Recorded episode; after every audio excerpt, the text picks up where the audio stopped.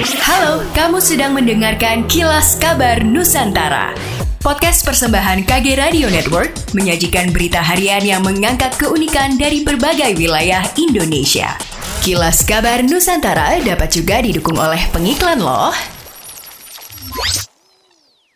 Dinas Pemuda dan Olahraga Provinsi Sulawesi Selatan memilih Kabupaten Goa untuk menjadi pusat pembinaan atlet olahraga, khususnya cabur bulu tangkis. Hal itu ditandai dengan pembentukan Pusat Pendidikan dan Latihan Olahraga Pelajar Daerah (PPLPD). Kepala Dispora Sulsel Andi Arwin Aziz usai audiensi dengan Bupati Goa menyebutkan ada empat kabupaten kota di Sulsel yang dipilih menjadi pusat pembinaan atlet olahraga. Selain Goa untuk bulu tangkis, ada pula Bantaeng untuk pencak silat, Makassar untuk karate, dan Luwu Utara untuk atletik. Menurutnya untuk memajukan olahraga di Sulawesi Selatan butuh kolaborasi khususnya dalam pembinaan atlet-atlet yang berkelanjutan. Dalam kesempatan sama, Bupati Goa Adnan Purihta Ihsan mengaku menyambut baik dan siap mendukung program tersebut. Apalagi menurutnya, bulu tangkis memang menjadi cabur unggulan di Kabupaten Goa. Terkait infrastruktur, Adnan menyebutkan saat ini Kabupaten Goa memiliki gelanggang olahraga GOR untuk bulu tangkis.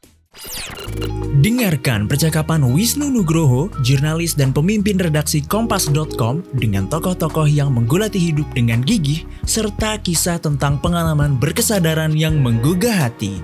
Hanya di podcast Beginu, bukan begini, bukan begitu. Upacara Hari Pahlawan 10 November 2021 telah dilaksanakan pemerintah Provinsi Bangka Belitung mulai pukul 8 pagi tadi di halaman kantor gubernur. Gubernur Bangka Belitung Erzaldi Rosman mengatakan peringatan Hari Pahlawan ini memang harus dirayakan dan disikapi untuk menjadikan motivasi dalam kehidupan berbangsa dan bernegara. Menurutnya, perjuangan masyarakat Indonesia saat ini berbeda dengan terdahulu yang berhadapan dengan kemiskinan dan pandemi COVID-19.